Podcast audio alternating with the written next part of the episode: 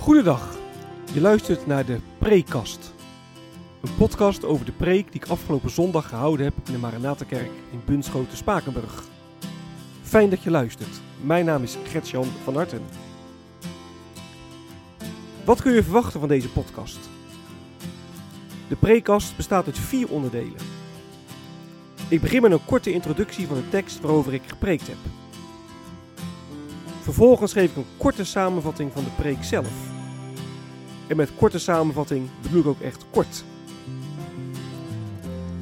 Tijdens mijn opleiding heb ik geleerd dat preken schrappen is. Niet alles wat je in de voorbereiding gevonden en bedacht hebt, kan terugkomen in de preek. Wat heb ik laten liggen wat het overdenken wellicht waard is? Daar wil ik het over hebben in het derde deel van de preekkast. En tenslotte sluit de preekkast af met een aantal verwerkingsvragen. Vragen die je kunnen helpen om de preek te overdenken en of toe te passen. Ik wens je veel luisterplezier.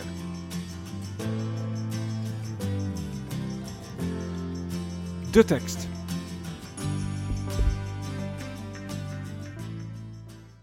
De preek ging over vraag en antwoord 13 van de gewone catechismus.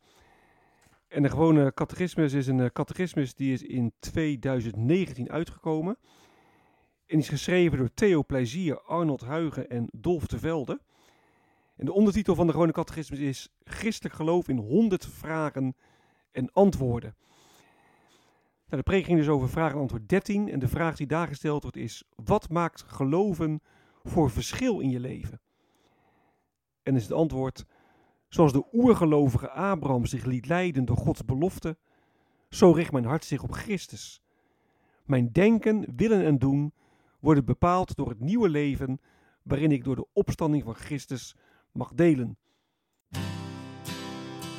De preek.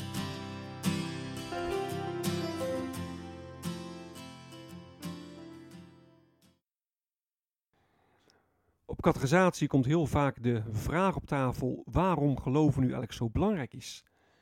En wat betekent het geloven voor het leven van, uh, van alle dag? Dat is eigenlijk precies de vraag hè, die de gewone catechisme stelt in vraag 13. Wat maakt geloven voor verschil in je leven?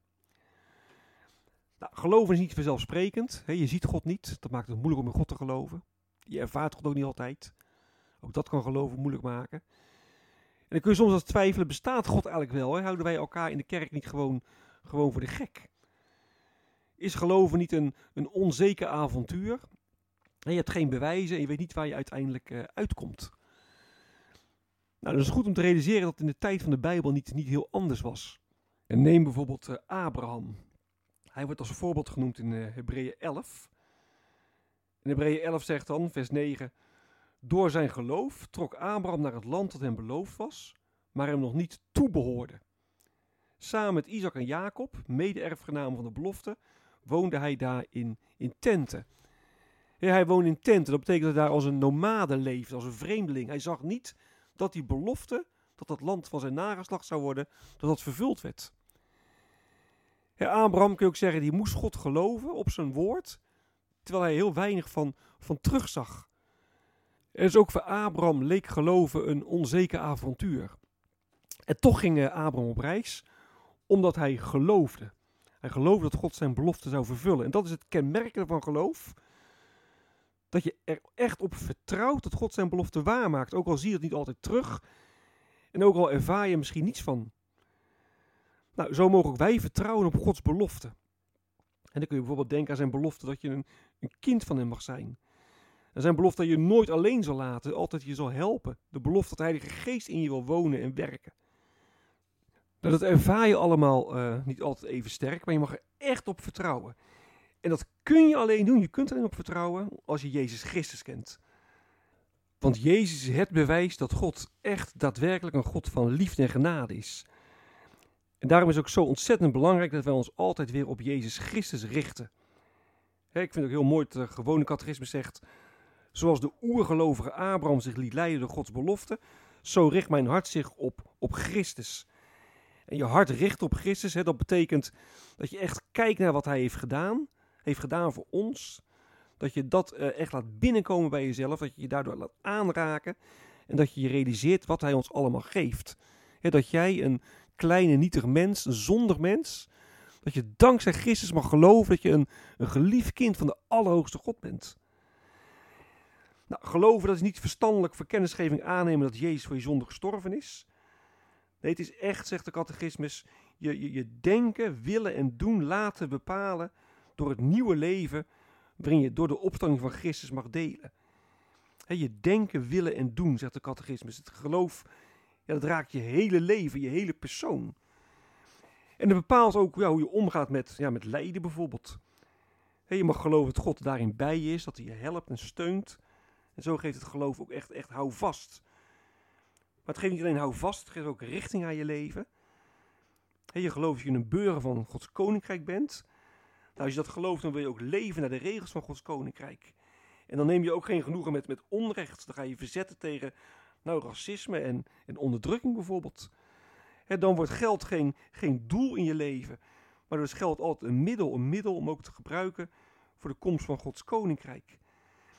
Nou, dan ga je als, als je leeft voor Gods koninkrijk, ga je ook anders om met het milieu. Dan wil je de schepping ook, ook beheren. Dan wil je daar op een verantwoorde manier mee omgaan, omdat je weet dat God de schepper is van alles. Nou, zo kun je zeggen dat dat, dat geloven echt een, een manier van leven is. Nou, Hebreeën 11 noemt Abraham als een geloofsvoorbeeld voor ons. Het is ook ontzettend belangrijk om, om geloofsvoorbeeld te hebben. Ja, wij kunnen heel veel vertellen over het geloof aan onze jongeren. Maar het is nog veel belangrijker om ook echt een voorbeeld van geloof te zijn. Kijk, als wij ehm, als, als we geen echt voorbeeld voor jongeren zijn, dan kunnen we hele mooie verhalen houden, hele principiële verhalen, kun je allemaal bijbelteksten aanhalen. Dan kun je zeggen dat het echt belangrijk is om te geloven, maar dan prikken uh, jongeren daar echt dwars doorheen. Nou, wat maakt geloven nou voor verschil in je leven? Nou, als je Jezus Christus kent, dan is dat eigenlijk helemaal geen vraag. En dan weet je, het bepaalt mijn hele leven. Daarom is het zo belangrijk dat we ja, goede voorbeelden zijn voor elkaar zo belangrijk dat we echt Jezus Christus kennen. Dat in de prediking, op catechisatie, in de pastorale bezoeken altijd weer om Hem gaat. Nou, geloven lijkt een onzeker avontuur, maar het is gebaseerd op Gods belofte. En die belofte geven houvast en richting voor een voorbeeldig leven. Wat is blijven liggen?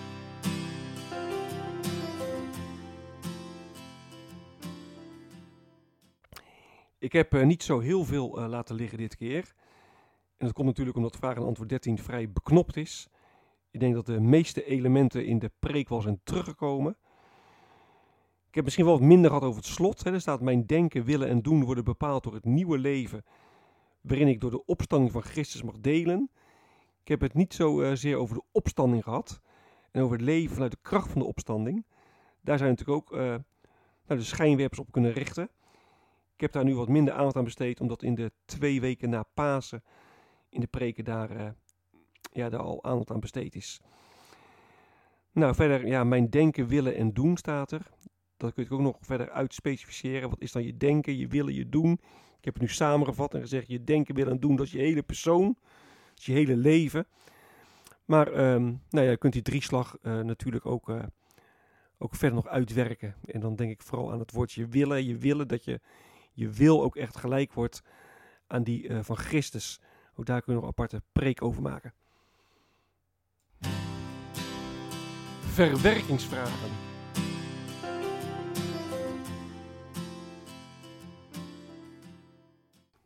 Ik wil ook nu weer de vragen noemen die ik op het preekblad heb genoteerd. En de eerste vraag is: in hoeverre ben jij een geloofsvoorbeeld voor een ander? In Hebreeën 11 wordt natuurlijk Abraham als uh, geloofsvoorbeeld uh, getekend. Nou, in hoeverre ben jij voor een ander een geloofsvoorbeeld? De tweede vraag is: vind je het moeilijk om God te vertrouwen? Abraham geloofde God, hij vertrouwde hem. Nou, dat kan best lastig zijn. Hoe is dat bij jou? Vind jij het moeilijk om God te vertrouwen? De derde vraag is: de catechisme zegt: Mijn denken, willen en doen worden bepaald door het nieuwe leven waarin ik door de opstanding van Christus mag delen. Nou, in hoeverre bepaalt het geloof in Christus jouw denken, willen en doen? in hoeverre ja, leef je echt uh, vanuit het uh, evangelie van Jezus Christus? Je kunt ook zeggen, ja, wie is Jezus Christus eigenlijk voor jou? En, en waar blijkt dat uit in je dagelijks leven? Nou, het thema van de preek was geloven is een manier van leven. En de laatste vraag is, wat versta je eigenlijk onder een christelijke levensstijl? En wat versta je daaronder? Dit is het einde van de preekkast. Mocht je vragen of opmerkingen hebben, dan kun je me mailen op mailadres van hartengretjan.gmail.com van hartengretjan.gmail.com Ik wens je nog een hele prettige dag. Hartelijk dank voor het luisteren. En wie weet, tot een volgende keer.